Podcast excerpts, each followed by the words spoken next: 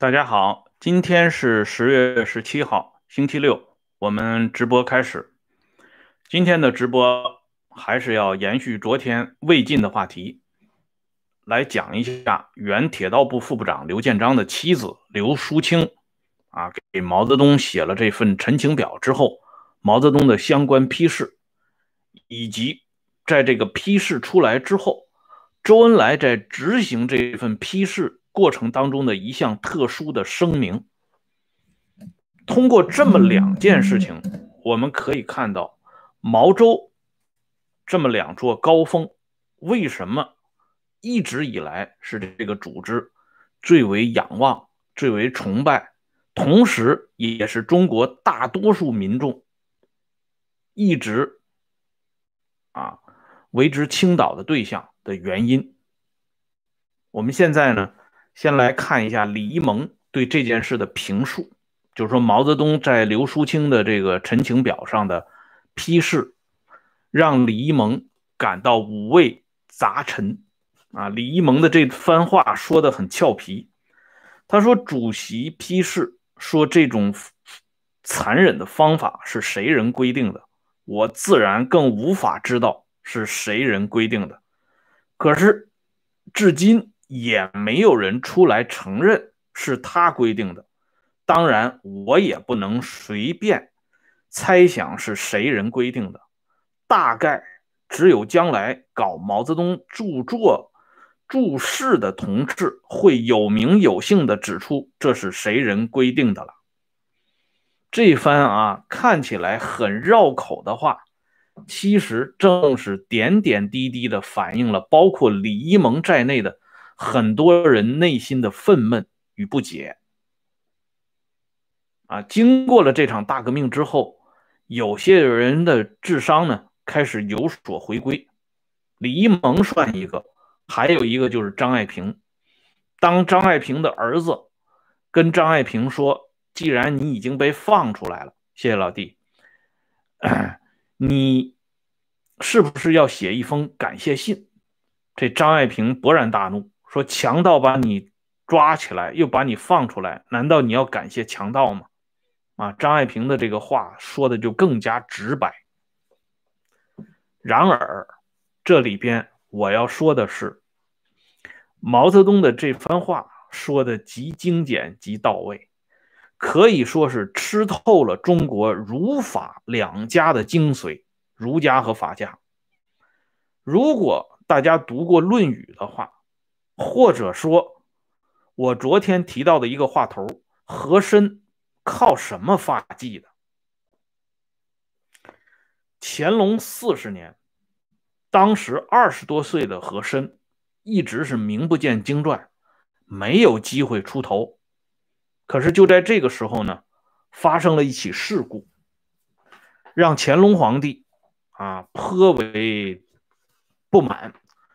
而这个乾隆皇帝呢，通常啊是愿意掉一点书袋的，特别是面对这些众多的乾清门侍卫啊，这些贴身人，他是喜欢说这么两句啊古汉语的，所以呢，他掉了一句书袋。这书袋呢，来自于孔夫子的《论语记事》里边啊，说的是什么呢？原文是“虎兕出于峡”。归于毁于毒中，是谁之过与？翻译过来呢，就是老虎和犀牛从笼子里跑出来了，啊，宝贵的啊玉器被损毁在匣子当中，这是谁的过错呢？这和珅反应非常快，啊，反应快主要是人家有准备，机会永远是留给有准备的人的。所以和珅磕了一个头，马上说：“这是点首者不能辞其咎。”啊，翻译过来呢，就是相关的责任人和具体办事儿的人，他们是要负这个失察的罪名的。乾隆一听，莞尔一笑，很高兴，然后就问和珅一句。你读过什么书？和珅说：“就读过《论语》等等这么几本儿哎，然后乾隆就说了一句话：“你很明白。”完事儿了，这件事儿就过去了。但是后续就来了，一年之内，就在这次问话之后一年之内，和珅连升三级，从此一发不可收拾，成为啊乾隆皇帝身边的第一号红人。那么今天为什么突然插入乾隆和和珅这对宝贝君臣的啊这么一场别开生面的对话呢？就是要用历史的镜像。来回照一下毛泽东也好，周恩来也罢，在刘淑清的这个陈情表上的表演，太出色了啊！以往呢，大家看这个党史教科书的时候，对待这段历史，通常的理解就是啊，有这么一件事情，有这么一个突发的事件，让这些老干部呢从此脱离了苦海。而全然没有想象到，在这么一个批示的过程当中，所蕴含的这种历史意义，以及它所延伸出来的现实意义。那么现在呢，我们还是把目光聚焦到毛泽东的批示和周恩来的展示。刚才乾隆的话说的很清楚啊。这虎兕出于峡，归于毁于毒中，谁之过与？这一句话就把自己的责任推得一干二净。而儒家的最精髓的地方，或者说儒家最能够让历代统治者啊捧得这么高的重点，就在于儒家随时随地的。能够为最高统治啊统治者卸责提供心理依据和理论依据啊，出了大事以后怎么办呢？都是下边人执行不善，管理不力，皇帝陛下永远高高在上，哎，最多说一句“万方有罪，责在朕宫”。至于怎么折办，不谈了，也没人敢谈。所以，伟大领袖在这一点上学的是很像。虽然他生平最恨儒家啊，可是呢，他的这个批示跟乾隆刚才的发问是一模一样的。谁人规定的？没人出来承认啊，所以李一蒙才会发出那么怪异的提问。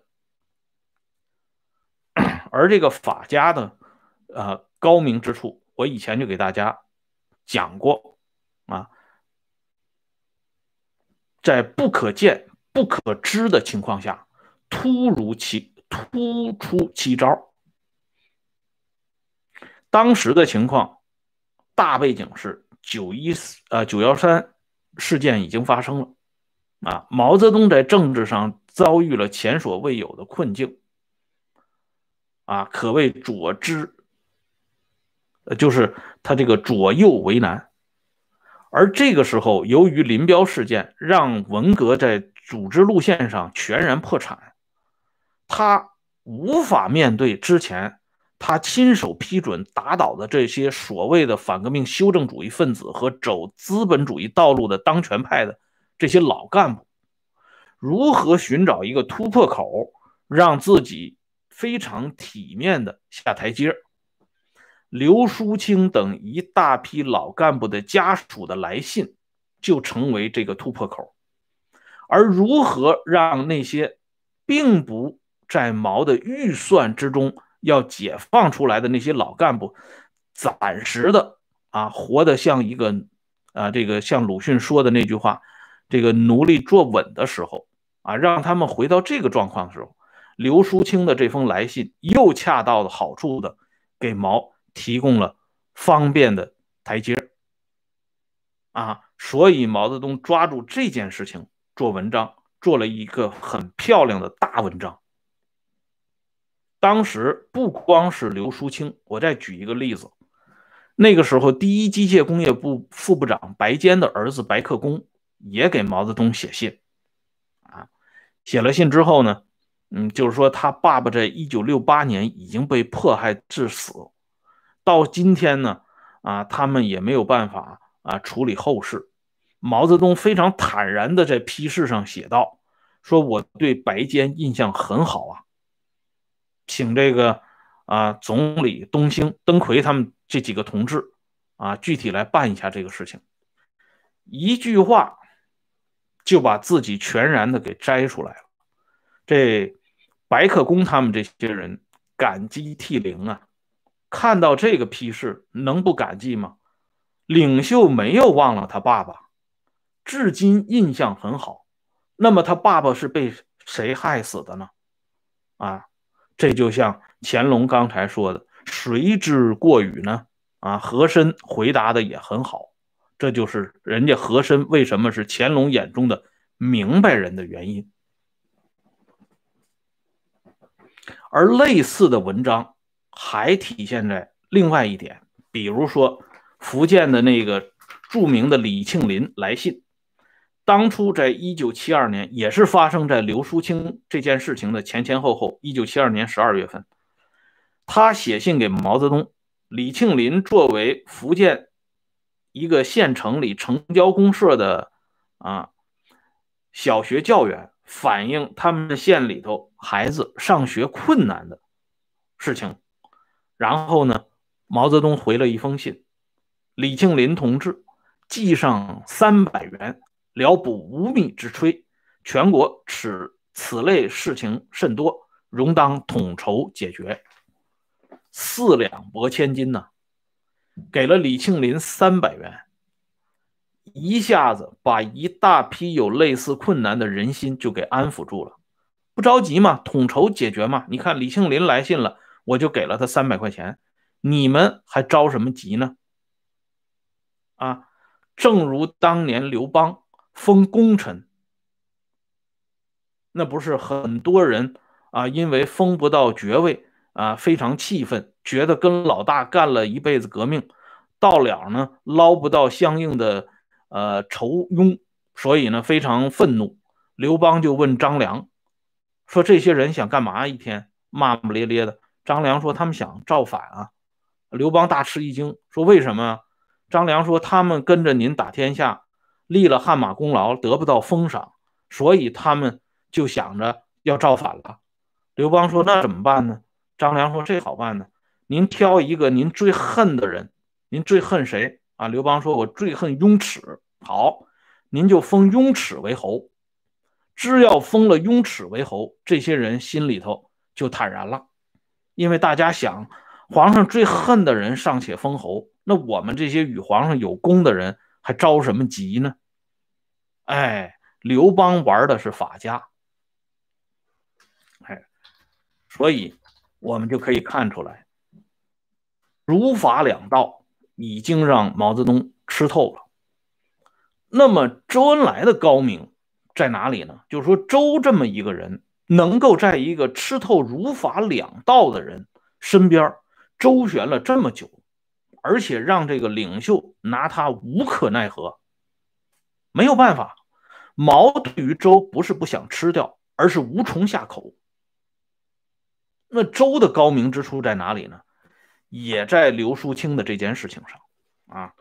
这个刘淑清这件事可以说是一鱼两吃啊啊，一条鱼一半焦溜啊，一半干炸。啊，咱们就来看一下，周恩来为了贯彻贯彻毛泽东的指示精神，于一九七二年十二月十八号做出三点批示。啊，这三点批示是这么说的：第一呢，是将刘建章保外保外；第二呢，将刘建章的全案结论抽出来送先念、登奎。批复啊，先念指李先念，登魁是姬登魁。第三才是最重要的一点，我给大家全文念一下。他说：“请公安部会同卫戍区，将我在国务院提出的要清查北京监狱待遇问题，在年内再做一次彻底清查，凡属主席指出的这一类残忍的审查方式的，都需要列举出来，再一次宣布清除。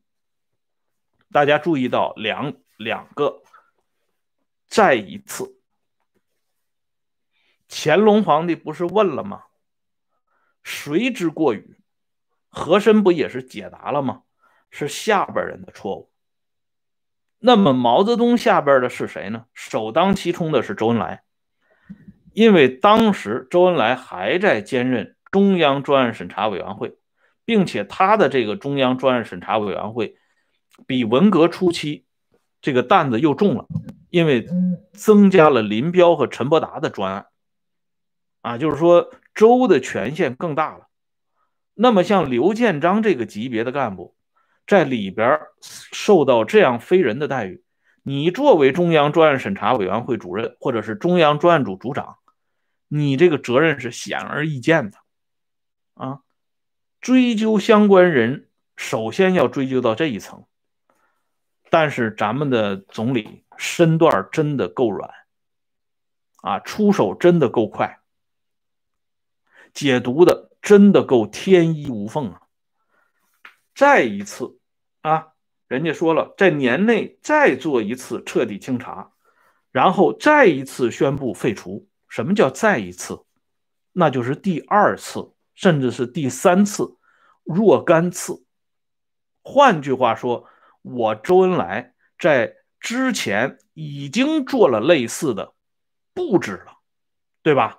我没有视而不见，充而不闻，只不过主席的批示下来之后，我借着主席的这个批示，要求你们再做一次类似的清查工作，再一次把这些残忍的审查方式废除。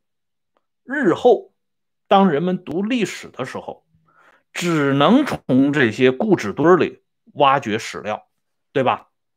你不可能看到当时全景的完全回放，你是根本不可能看到的。而很多人看到这份批示和这份执行批示的指示的时候，你们会油然而生两种感慨：一种呢是领袖不知情，被人蒙蔽了；那么第二种呢，总理鞠躬尽瘁，始终。是在弥合啊弥缝期间，再一次三个字啊，了不得，把周的这吃透了中国传统人情世故的全部的内容一下子彰显出来。这里呢，我要给大家推荐一本小册子，我以前跟朋友们就讲过《袁世凯传》。因为刚才我们刚讲了乾隆和和珅的话题，那么现在呢，我们再来讲一下袁世凯的话题。这袁世凯，我们都知道，一九一六年他办了一件大事儿，他要当皇帝，可是这皇帝到了他没当成，因为各地反对的声音太大了，所以呢，最终他决定起草一个命令，就是宣布。兄弟，我不当皇帝了，但是不当皇帝不行啊！不当皇帝，大总统当不当呢？大总统还要当的。所以这个文告是由原总统府机要局局长张一令这个苏州的大才子负责起草。张老先生把这个文告起草以后，袁世凯拿到原稿，改了四个字。啊，因为袁世凯呢，后来一直就是在公开文献当中自称“禹”啊，“禹”就相当于“朕”啊，“禹一人”嘛，就是“朕”的意思，孤家寡人的意思。哎，这个文告呢，还是按照原来的口气称“禹”，可是袁世凯呢，却把这个“禹”字给换掉了，改成了另外四个字。本大总统，那么这个文告一经发布之后，大家读过来，不经意之间就会承认一个默许的现实，就是说皇帝不当了，回来继续当大总统。就这么一段故事。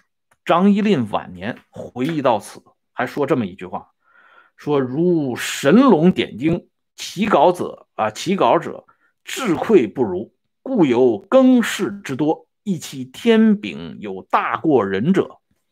说袁世凯这个改动，犹如画龙点睛啊！当然是由于袁世凯这个人一生经历的大风大浪太多了，所以他的见识超出一般人。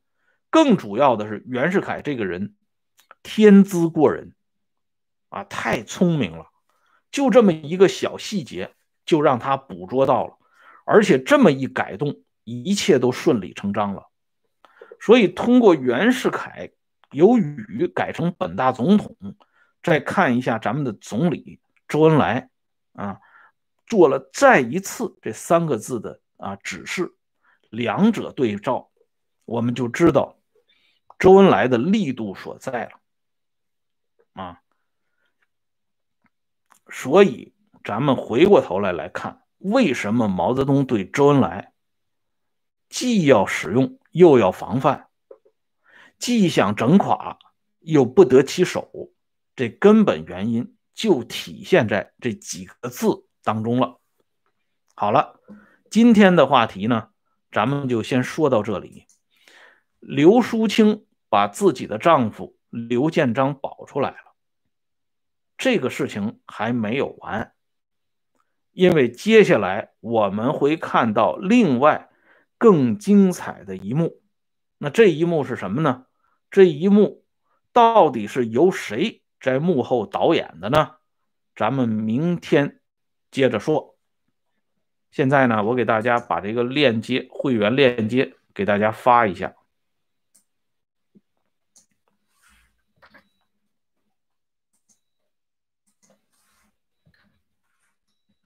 欢迎大家啊，加入温相说时政会员频道啊，每天都有更新。